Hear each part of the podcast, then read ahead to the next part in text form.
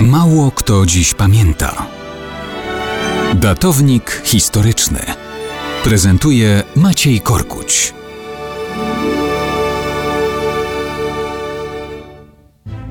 Mało kto dziś pamięta, że 12 lutego 881 roku papież Jan VIII koronował na cesarza rzymskiego Karola III o niezbyt sympatycznym przydomku Otyły.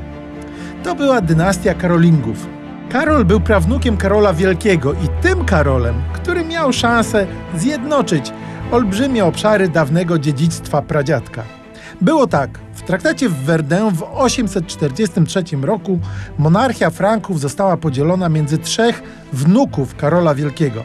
Karol Łysy objął zromanizowany obszar władzy Franków zachodnich. Lotar objął wąski pas od Italii po Morze Północne, a Ludwik Niemiec obszar Franków wschodnich, germańskich ludów żyjących na ziemiach nigdy nie wchodzących w skład Imperium Rzymskiego. Ten pierwszy władca owej Francja Orientalis, czyli Ludwik, podzielił państwo między trzech synów. Najmłodszy, właśnie Karol Otyły, otrzymał Szwabię i Recję. Jednak z czasem, po śmierci dwóch starszych braci, Karol Otyły zjednoczył pod swoim panowaniem całość państwa wschodniofrankijskiego. Po śmierci stryja Karola Łysego został cesarzem, a po śmierci stryjecznego brata Karlomana koronowano go także na króla Franków zachodnich.